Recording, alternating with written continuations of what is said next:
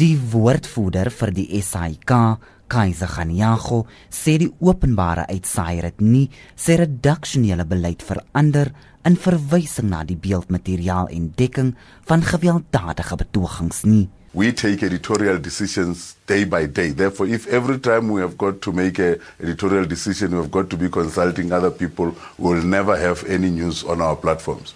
And we are saying the decision that we took was a principled decision where we are basically saying we are taking a stand as the SABC that we are not going to glamorize violence that is happening. We, among other things, we are using the BCCSA code which is basically saying that we should not at any particular stage be seen to be glamorizing violence on our platforms. Ganya het berigte dat die SAK in 'n krisis is, weer lê.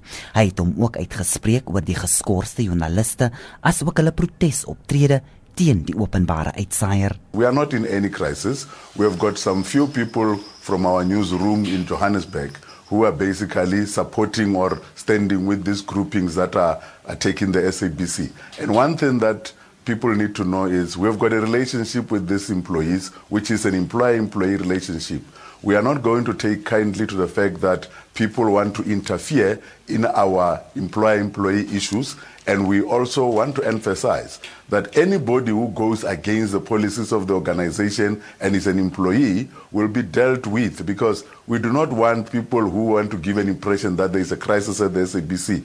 Gania Jose joernaliste wat nie saamstem met SAK beleid of besluite nie, moet interne prosesse volg en nie hulle wend na ander media-agentskappe nie. Everybody knows the policies of the organization, they know the processes of raising issues in the organization.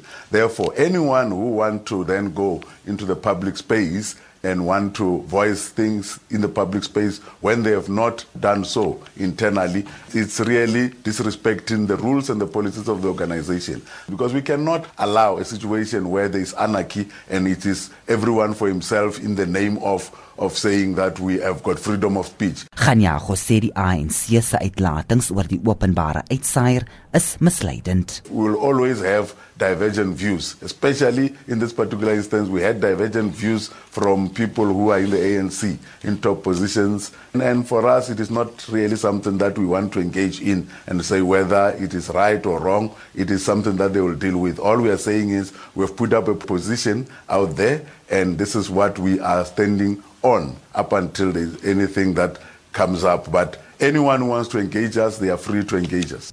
Ganya het hom uitgespreek oor die bedanking van die SAIK se waarnemende groepshoof Jimmy Matthews. Some of the things that he says, he knows where he's sitting that he was part of those decisions and he made those decisions together with us. Therefore, it is not something that we want to be engaging in the public space with because he did not want to engage. For him to resign and put his resignation letter on the social media, it was clear from our position that he did not want to engage. Dit was Kaiser Ganiago, die woordvoerder vir die SAIK, Jean Estreisen, SAIK nuus.